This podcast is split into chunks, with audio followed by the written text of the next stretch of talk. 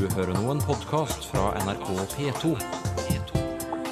nrk.no-podkast. Det blir kveld, og så blir det morgenkveld, og så blir det enda en gang til hvis ikke jeg blir stein.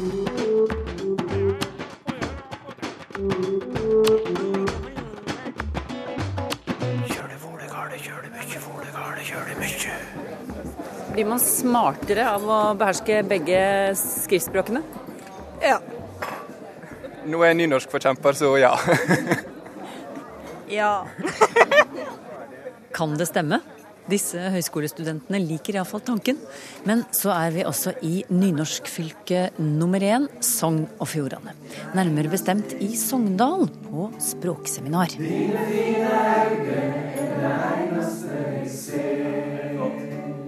Så harmonisk kan det høres ut når språkviterne er samlet til seminar om effekten av å beherske både nynorsk og bokmål. De er ikke fullt så samstemt i debatten om det å mestre begge skriftspråkene kan gjøre barna ekstra gode på skolen. Resultatet er bedre enn forventa i nynorskkommuner. Det er det som er nynorskeffekten. Det kan jo være helt andre grunner til at skole er bedre enn eh, selve språket. Nynorsken i seg sjøl trenger kanskje ikke å forklare så fryktelig mye. Nei, er det virkelig slik? At nynorsken gjør deg smartere, for å sette det på spissen? Det vil i så fall være en gavepakke til målrørsla. Vi får begynne med begynnelsen. For et par-tre år siden ble det fra forskerhold lansert en teori om at det å beherske både nynorsk og bokmål kunne gi bedre skoleresultater generelt.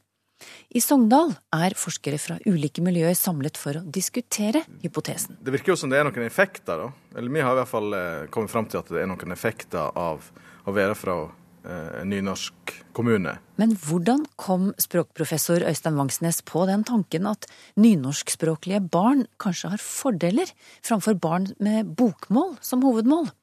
Det var skoleresultatene på nasjonale prøver som satte ham på ideen. Det År etter år så kom det rapporter om at eh, Sogn og Fjordane hadde et eh, eh, oppsiktsvekkende godt resultat på nasjonale prøver.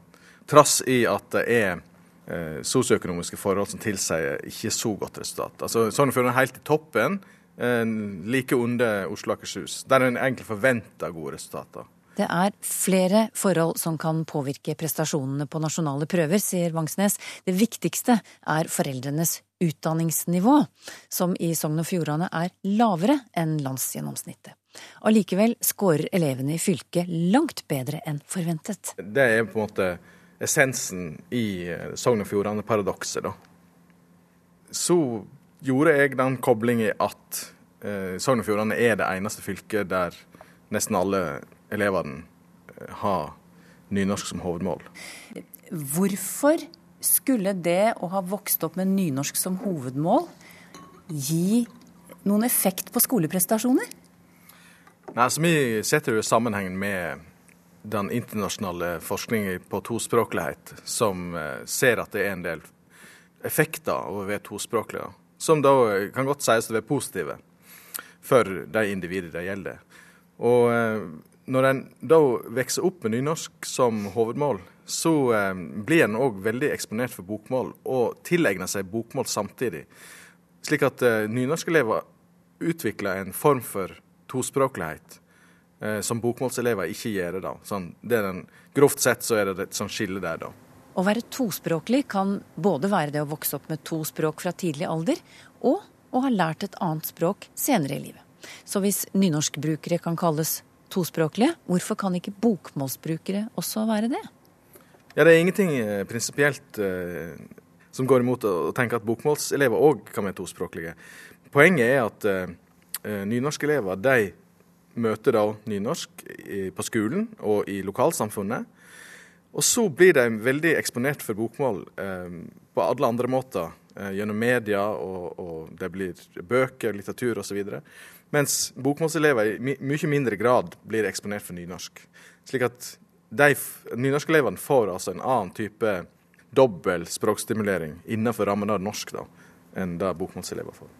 Og denne doble språkstimuleringen begynner allerede i førskolealder, mener Øystein Vangsnes. At de blir eksponert for det vi kan kalle muntlige bokmål. da. Eh, De blir lest høyt for, barnesanger. De leker på østnorsk, som en kan hevde er en slags representant for, for bokmål. da. Så det er ikke så enkelt at det bare handler om skriftspråket og skriftspråklig trening. Men uansett om barna i Sogn og Fjordane utsettes for både bokmål og nynorsk fra tidlig alder, de to målformene er jo temmelig like. Kan vi virkelig snakke om to språk? Ja, mener Vangsnes. Det er to skilde system. Det er grammatiske forskjeller, det er delvis leksikalske forskjeller.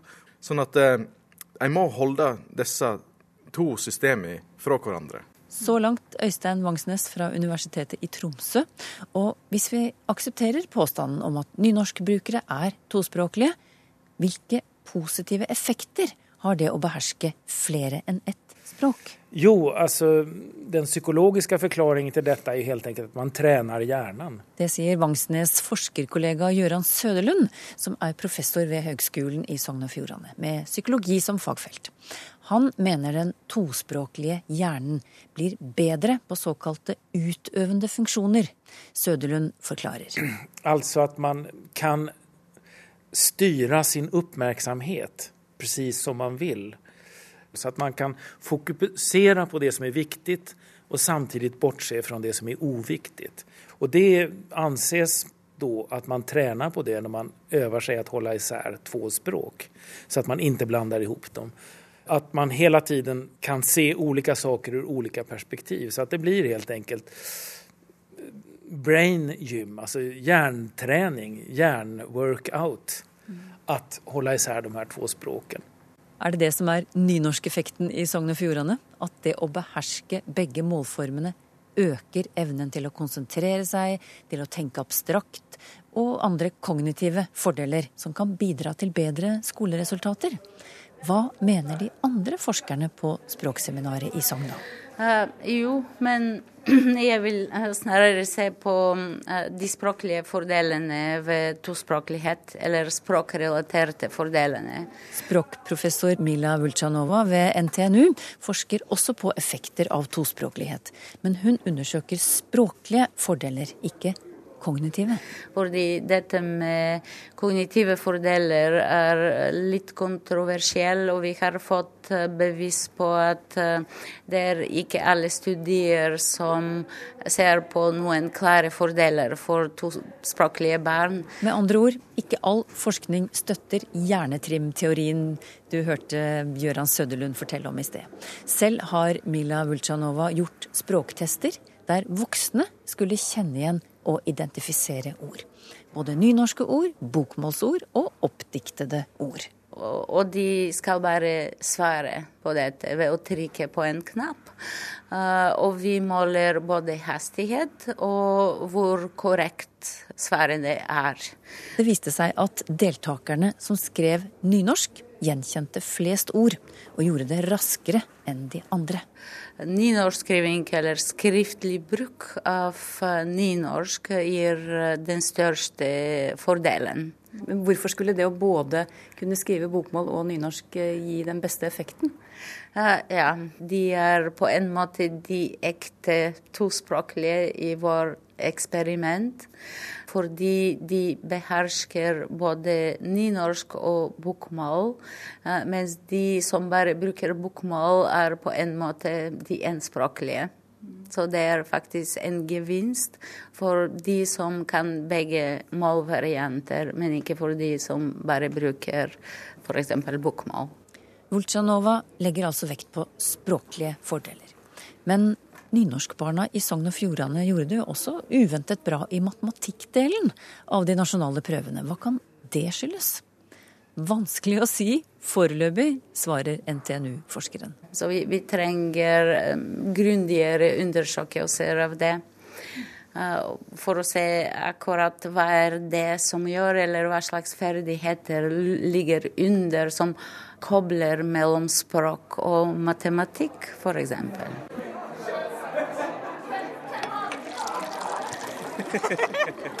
Praten går livlig blant studentene i kantina ved Høgskolen i Sogn og Fjordane. Kan jeg forstyrre litt? Jeg kommer fra NRK radio, fra P2. Sånn jeg slår meg ned ved et bord, forklarer hva vi diskuterer på språkseminaret, og spør om denne gjengen behersker både bokmål og nynorsk. Ja. ja. Enn du? Ja. Delvis. Nei. Nei, det går mest i bokmål, altså. Enn du? Det går nok mest i bokmål, ja. Enn du? Nynorsk som hovedmål, og så behersker jeg bokmål. Men du som behersker både nynorsk og bokmål, er du tospråklig? Eh, ja, jeg er vel det. Det må vi vel skryte på oss at vi er. Ser du det på samme måte? Ja, det tror jeg. Eh, Hvilke fordeler gir det deg at du behersker begge skriftspråkene? Jeg syns det er lettere å lære andre fremmedspråk kanskje også. Hvorfor det? For du ser eh, strukturer og likheter kanskje lettere i eh, ord og uttrykk. Jeg tror bare det gjør det lettere. Jo bredere språklig forståelse og kunnskap du har, jo lettere er det for deg å forstå språk, det norske språket generelt. Både skriftspråk og dialekter. Du slipper å bruke energi og krefter og vurderinger på å faktisk forstå språket, da. Du som ikke er nynorskbruker, eh, tror du det kan ligge noe i det? At, eh, Ja, jeg kjenner det at jeg sliter. Jeg bruker masse energi og tid på nettopp det med å lese språk. Og jeg blir sikkert ofte mistolka og mistolker. Ja. Det tar mye tid som jeg ellers ville brukt på å tilegne meg kunnskapen i seg selv. Mm, jeg er enig. og hypotesen om at det er nynorsken som gjør elevene i Sogn og Fjordane så flinke på skolen, hva synes studentene om den? Eh, nei, jeg mener at eh, det er andre ting som kan påvirke. F.eks. fysisk aktivitet. Da. Kan påvirke at man konsentrerer seg bedre på skolen. Eh, og når det er lett å drive med det, og det er et godt miljø for det, så kan man score bedre og konsentrere seg mer på skolen. Eh, så jeg tror at det kanskje ligger andre grunner til det enn akkurat det. Men så tror jeg, sånn som Vetle sier, at, eh, at man scorer bedre på norsk. Da. Eh, fordi at man behersker både hovedmål og sidemål. Så der scorer man jo bedre. Men matte, der tror jeg det er andre grunner som ligger til, ligger til grunn enn enn at man behersker nynorsk. Ja. En sånn konklusjon syns jeg høres tynn ut, da. Men det er klart jeg fra Østlandet vil være skeptisk til alt som har med det å gjøre. Men viser det seg, du behøver ikke være fra Østlandet for å sette spørsmålstegn ved sammenhengen mellom nynorske hjerner og skoleprestasjoner. Ja, altså jeg har jo ikke noe imot at de finner kognitive fordeler med dette. Det er også helt fint. Men, men Kultur og miljø kan like gjerne være avgjørende, mener språkprofessor Tove Bull fra Universitetet i Tromsø. Jeg, jeg tror ikke man kan bare tenke kontekstløst. Altså, Sogn og Fjordane er det sterkeste nynorskfylket i, i, eh, i Norge. De fleste alle kommunene har, har eh, veldig høy nynorskprosent. Slik at nynorsk blir jo da fl- flertallsskriftspråk, og det hviler på en sterk kultur. Det er sjølvalgt. Det er jo kommunene som sjøl har valgt det. Det er foreldrene, eh, skolekretsen som har valgt det. Og de valgene som er gjort, forklarer ganske mye. Fordi at dette er jo valg mot flertallsbefolkninga, har alltid vært det. Og, og må du er du, tilhører du en minoritet, og det er kontroversielt å si at nynorskinga er minoritetsbefolkning, men tallmessig er det jo det, eh, så har du mer å forsvare. Eh, Og antagelig så har du mye sterkere identitet knytta til skriftspråket enn bokmålsbrukere flest har til bokmål. Men, hvordan skulle det du sier nå gi bedre skoleprestasjoner enn eh, resten av, i resten av landet? Nei, men samtidig så har Sogn og Fjordane det ved seg i denne kulturen at de har vært skoleorientert, skolevennlig. De har veldig høy andel av befolkninga som tar lærerutdanning. De har gode skoler, de har småskoler, det er nært samarbeid mellom skole og heim. Slik at skolen har en posisjon som den kanskje ikke har i, i eh, andre deler av landet. Lærerne har høyere status. Slik at det er mange sånne parallellfaktorer som virker sammen. Det kan jo være helt andre grunner til at skole er skåler bedre enn eh, selve språket. Det skulle en kanskje tro at det var. Sier Hjalmar Eiksund, og støtter dermed Tove Bulls synspunkter om at miljø og kultur kan forklare de gode skoleprestasjonene i Sogn og Fjordane. Høyskolelektoren fra Volda peker på forhold som Små skoler, eh, stort eierskap til læringsmiljøer blant lærerne og elevene og foreldre sammen. At de har en kultur for at her skal vi jobbe med altså akademi, akademiske øvelser på en måte er det de det er høyt skatta i området, selv om ikke foreldre og området ellers kanskje har det høye utdanningsnivået. Så hvor bringer dette oss? Går det an å konkludere etter to dagers akademisk diskusjon om en mulig sammenheng mellom nynorsk og gode skoleprestasjoner? Det er vel riktigere å si fortsettelse følger. Vi refererer jo fra en undersøkelse som vi har gjort som vi ikke ennå har publisert.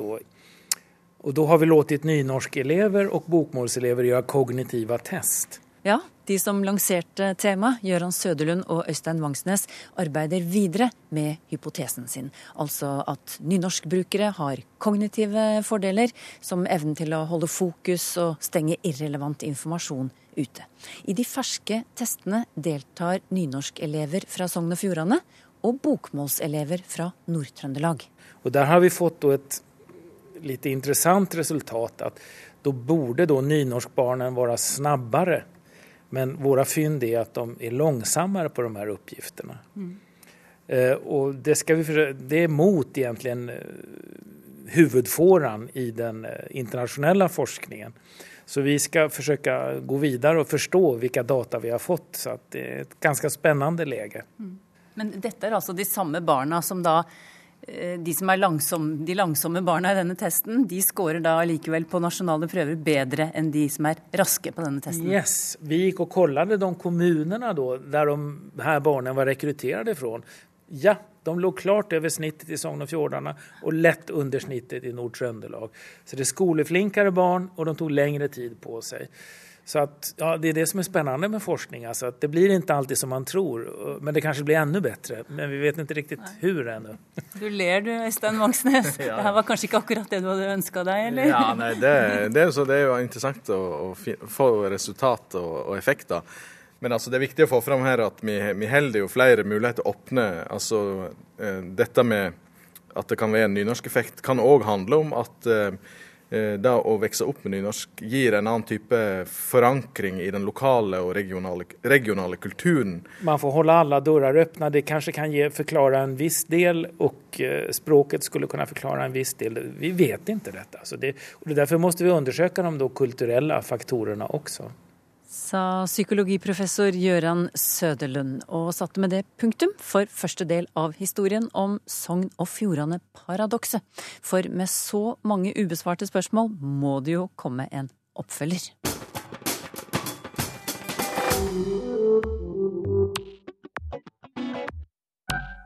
Tid for lytterspørsmål, Sylfest Lomheim. Eh, Det første kommer fra Olaug Tortveit og lyder som følger. Hvorfor snakker vi om å barke sammen? Og det gjør vi fordi at dette verbet å barka tyder rett og slett å fara i hop. Men opphavet er rett og slett uvisst. Det er ingen som er sikre på hva det kjem ifra.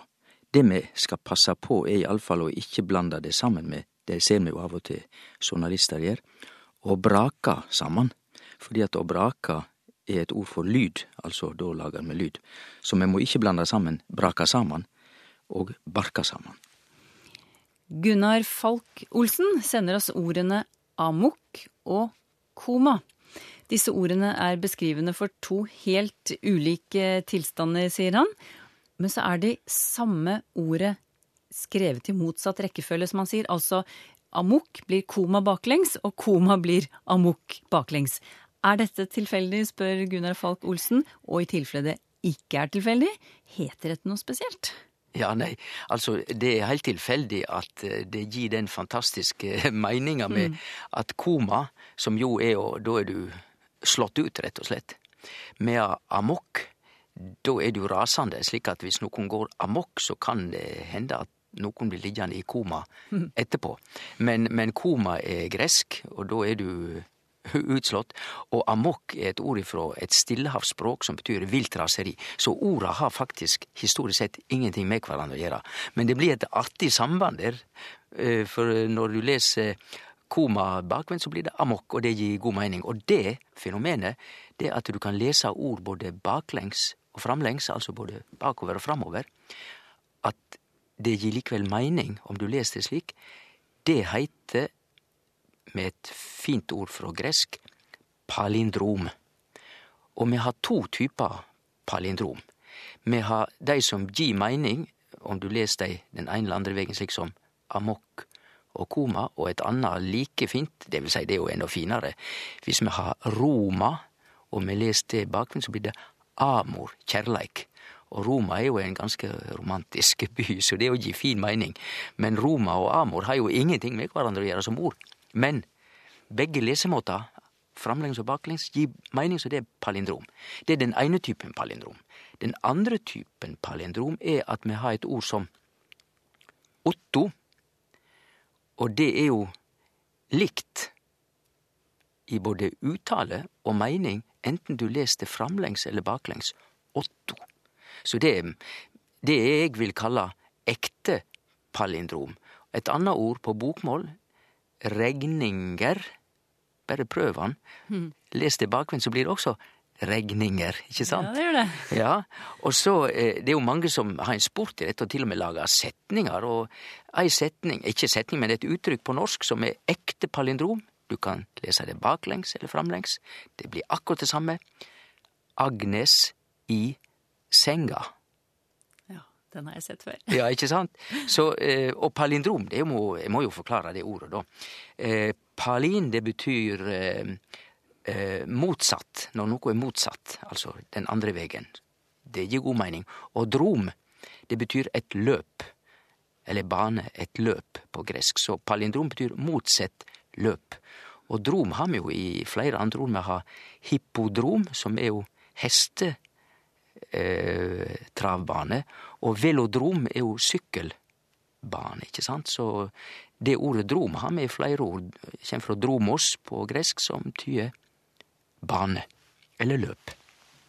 Hvor kommer uttrykket generalprøve fra, spør eh, Gunhild Skjold. Det kjem iallfall ikke fra norsk eller dansk eller svensk. Det er internasjonalt, og vi har jo ordet eh, general ifra fransk, også militærtittelen general. For egentlig så er militærtittelen kapitein general, og da hører vi at egentlig så er det et lengre uttrykk som løgner seg attom offiseren general. Det er altså den Og general er jo det samme som generell allmenn, vanlige, altså over. Og kaptein general, det er den allmenne eller generelle kaptein, altså offiseren. Den som har generell, uavgrensa eh, myndighet. Og en generalprøve blir jo da den allmenne, ikke spesifikke prøven på et teaterstykke. Du har prøvd og hatt veldig spesielle prøve, prøver i ei lang tid, og så kjem generalprøven, den generelle prøven, før premieren, som også er fransk, som betyr den første. Hmm. Jeg bare tenker på Når du sier at man har hatt spesielle prøver, da tenker du på sånn at en prøve der er det vekt på kostymene, og Ja, en og prøve er det de vekt må- på sangen, eller Ja, og de må stoppe opp. Nei, nå tar, nå tar vi det om igjen, og vi gjør sånn og sånn, og så driver de på. Ja. Men på en generalprøve så kjører du alt gjennom, eh, tipper jeg er det vanlige. Birger Moen skriver til oss om et ord han ikke helt ser logikken i, som han sier her. Helleristning. Eh, Så deler han opp ordet. Først er det jo helle. Det er greit. Men ristning får han ikke til å rime. Hvorfor da ikke heller ristning eller rissing? For at når, når ordet er helleristning, så kan man jo tenke på jordskjelv eller at berget rister. Har du noen forklaring, Sylfest Ja, Lomheim? jeg forstår godt at Birger Moen spør om det, fordi at hadde det vært hellerissing, og helle er ja, som man sier greit, det er jo stein, en flat stein, og rissing er jo å risse inn, og det hadde gitt veldig god mening. Men risting, eller eventuelt ristning, er jo når det skjelver i moderne norsk. Eh, saken er at risting her, i helleristing, er det samme som vi òg har i å rissa. Å rista og å rissa er varianter egentlig av samme ord. Og også å rita, som vi finner igjen i svensk. Og, for ikke å gløyme, engelsk. Write. To write. Så egentlig har vi ei rekke av ord her. Engelsk write, svensk rita, og så har vi rista og å rissa. Alle disse verba heng egentlig i hop, og de tyder å skjære eller å skrapa, altså å rissa inn noe. Og det var jo i hardt materiale, stein eller tre, de gjorde så det passa jo. Latterlig er et velbrukt ord, skriver Sabine Exner. Vi kjenner det fra sammenhenger som denne prøven var jo latterlig enkel, eller det var latterlig få som møtte opp. Men i det siste, skriver Sabine, hører hun særlig ungdommer bruke ordet med en for henne ny vri. Latterlig blir da brukt som forsterkende ord i positiv forstand, som 'jeg vant latterlig mye penger' eller 'det var latterlig høy musikk'. Eh, før forsterket latterlig mest noe som det var lite av, mener Sabine Exner. Eh, I den nye betydningen kan en bytte latterlig med f.eks. veldig. Eh, er dette nytt, Sylfest Lomheim? Nei, det er jo egentlig ikke det, men la oss si at det er i alle fall et etterkrigsfenomen. Men det at latterlig blir brukt forsterkende, er jo i og for seg det er verken kritikkverdig eller rosverdig, det er bare slik det systemet er, og ikke bare i norsk, men i engelsk og i fransk, det veit jeg veldig tydelig. Nesten de fleste ord kan brukast forsterkende eh, hvis brukarane finner ut at nå begynner vi å bruke dei forsterkende. Sinnssjukt er jo samme, og hvis vi tror at veldig mye at det er liksom så nøytralt og greit, så er det jo ikke det. Det betyr også i utgangspunktet noe som har med vald å gjøre, og det er jo ikke pent. Så altså hva slags ord som blir kandidater til forsterkende bruk, det er bortimot umulig å forutsjå, vi kan bare registrere at det skjer. Og så er det jo slik at hvis vi sier latterlig enkelt, så er det jo meir logisk, kanskje, fordi det er så enkelt at det er til å le av. Og, eh, men latterlig mykje penger, vel, vel, det er så mykje penger at vi ler av det. Nei, der er det meir beint fram, altså et rent forsterkende ord. Men jeg har ikke noe annet å si enn at de som ikke syns det er godt nok som forsterkende ord, de får late det være. Men vi kan ikke si at det er gale norsk. Dette er et fenomen som er i bruk i alle språk. Og så er det jo, for å si det til slutt, dette er jo typisk munnleg språk, da. Har du spørsmål til Språkteigen? Skriv til Teigen, krøllalfa nrk.no, eller til Språkteigen, NRK P2, 7005, Trondheim. Så finner du oss også på Twitter og på Facebook.